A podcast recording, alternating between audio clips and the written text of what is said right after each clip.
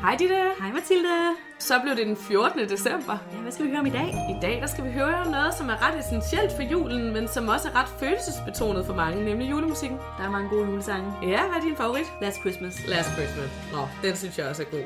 Jeg elsker til gengæld også de der julekalender-introer. Sådan, især de nyeste. Den der med Burhan G. Uh, Tinka-sangen. Sådan, det holder. Sådan. Ja. Lad os komme i gang. Lad Julemusik er jo ikke kun popmusik. Det er jo også julesalmer. Og de kom øh, som et før popmusikken, så der tænker jeg altså, at vi starter. Godt sted at starte. Ja. Et eksempel på en julesalme, som faktisk flere steder, når man læser om det, bliver kaldt den mest populære salme, okay. det er Dejlig af jorden. Dejlig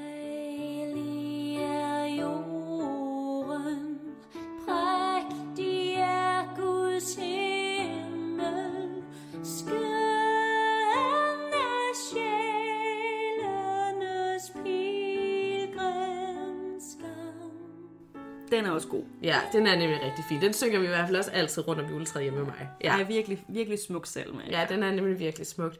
Den er skrevet af B.S. Ingemann efter initiativ af præsten og hans ven J.F. Fenger, som havde mødt melodien nede i Tyskland og tog den med hjem og så spurgte sin ven Ingemann, om han ikke kunne skrive en tekst til den. Og det gjorde han så i 1850. Knap fire måneder efter, at B.S. Ingemann havde skrevet salmen, og den var blevet trykt i kirketidene, så skrev han et nytårsbrev til sin veninde Christiane Rosenørn, hvor han skrev følgende.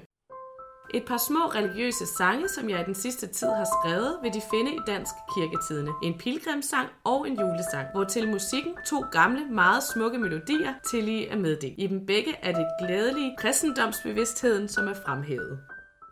Wow. Og det er altså dejlig af jorden og glade jul, dejlig jul, som han øh, snakker om i det her brev. Og dejlig af jorden, at han kalder det for en pilgrimssang, det skyldes i virkeligheden en misforståelse fra J.F. Fingers side. Fordi da han læste teksten i det tyske tidsskrift, der var overskriften Ein altes Kreuzbrüderlied, hvilket Finger misforstod som en gammel korsridersang. Men i virkeligheden er der tale om en katolsk åndelig sang fra sidste halvdel af 1600-tallet. Men det har hverken Finger eller Ingemann altså vidst. Det er noget, man har fundet ud af efterfølgende. Den her sang har til gengæld været i hæftig teologisk modvind, især fra Ingemanns ellers gode ven Grundtvig.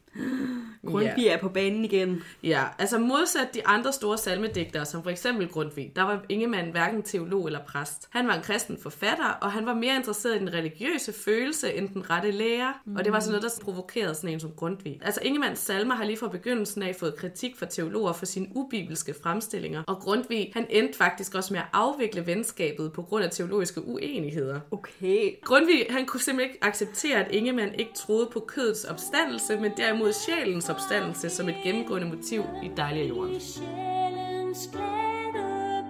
Ja. Hvor kunne han gøre det? Ja, det, der, er tit, der er tit noget bøvl med ham Grundtvig, var. Det var det også med det juletræ der. Ja, det ja. kunne han heller ikke lide. Nej. Nå. Der er mange ting, han ikke kan lide. Ja, men altså også længere op i historien, der har den her salme altså mødt modstand. Men det er stadigvæk, altså, som jeg nævnte, til at starte med, den mest populære salme.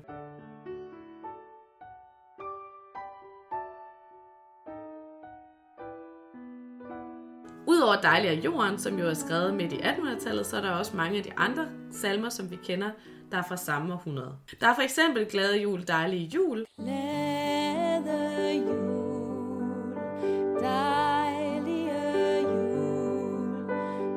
som er det tyske julesang Stille Nacht, som både med tekst og melodi har været inspiration til Ingemanns julesalme. Og ligesom Stille Nacht har gået sin sejrsgang over hele verden, fra den lød første gang i 1818, hvor den faktisk blev sunget i en lille kirke ved Salzburg, så er Glad Jul, Dejlig Jul en af vores kendt, mest kendte og mest brugte julesalmer i Danmark. Så er der også et barn er født i Bethlehem, som er digtet i 1820 af Grundtvig, og genarbejdet er ham igen i 1845, men den stammer egentlig helt tilbage fra 1200-tallet.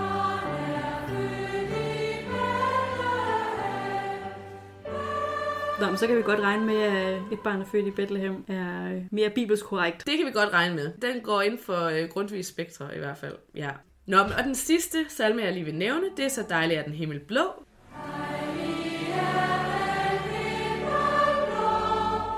Jeg skylder lige grund at nævne endnu en af hans. Den skrev han i 1810, og den blev faktisk først udgivet med titlen De Hellige Tre Konger. Og der var tale om en rigtig lang salme med hele 19 strofer, som så blev væsentligt forkortet, da han i 1853 omskrev salmen til den version, vi kender i dag, som strækker sig over syv strofer. Ja, det er der ikke har tid til at synge så lang sang. Så skal vi virkelig gå længe rundt om juletræet.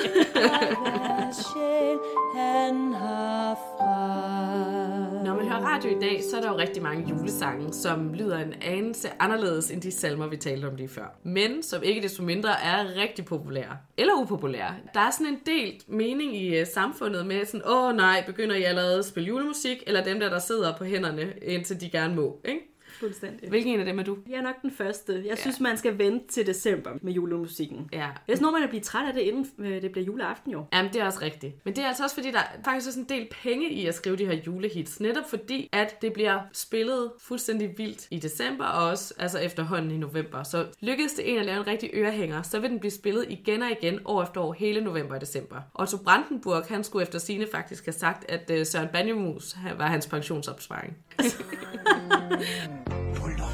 Sidder næsten ham i hvid, der er så sød.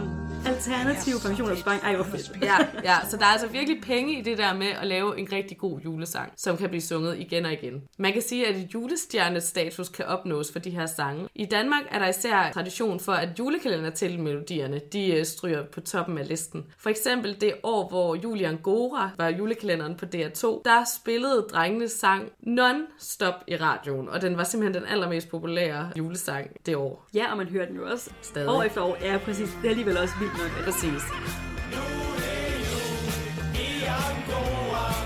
Så skal vi sætte med hjem Altså, nogle andre, som vi ikke rigtig kommer udenom, det er jo for eksempel MC Einers Jul det cool, som jo er fra 80'erne, ikke? Og Last Christmas og Rocking Around the Christmas Tree, som også er derfra, men som jo stadig er nogen, vi hører i år. Så det vidner meget godt om, at de bliver ikke forældet, de her sange. Det er simpelthen nostalgi at høre dem igen i år, ikke? Ja det, ja, det er jo sådan helt nostalgisk at høre de her julesange hver år til jul. At de skal simpelthen være igen og igen og igen. Lige præcis, man kan godt have sådan en følelse af, sådan, ah, der kom den sang, som jeg allerbedst kan lide.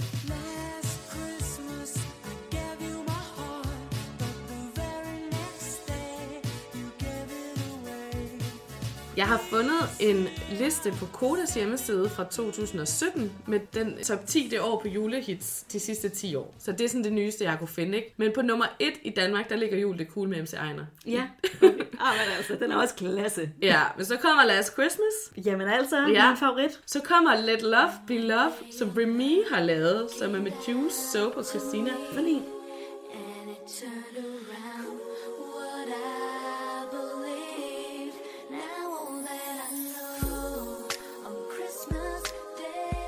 Og så er der Do They Know It's Christmas, All I Want For Christmas Is You, Rocking Around the Christmas Tree. Så kommer der et par danske, Når sneen falder, ligger på 7. pladsen. Julian Gora på 8. pladsen. Og så er der Merry Christmas Everyone.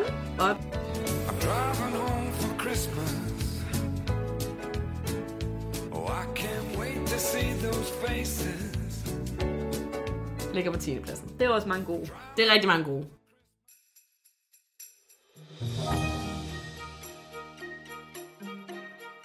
På den måde, der kom vi altså fra den ældste julesalme, Barnet født i Bethlehem, og så helt op til i dag, hvor vi hører popmusik hele december. Ja. Og det var det, jeg havde for i dag. Det er spændende. Sikke en rejse. Ja, og i morgen der får jeg lov til at høre lidt om min yndlingsjulemusik, for der skal vi tale om de nyeste julekalender. Vi ses i morgen. Vi ses i morgen.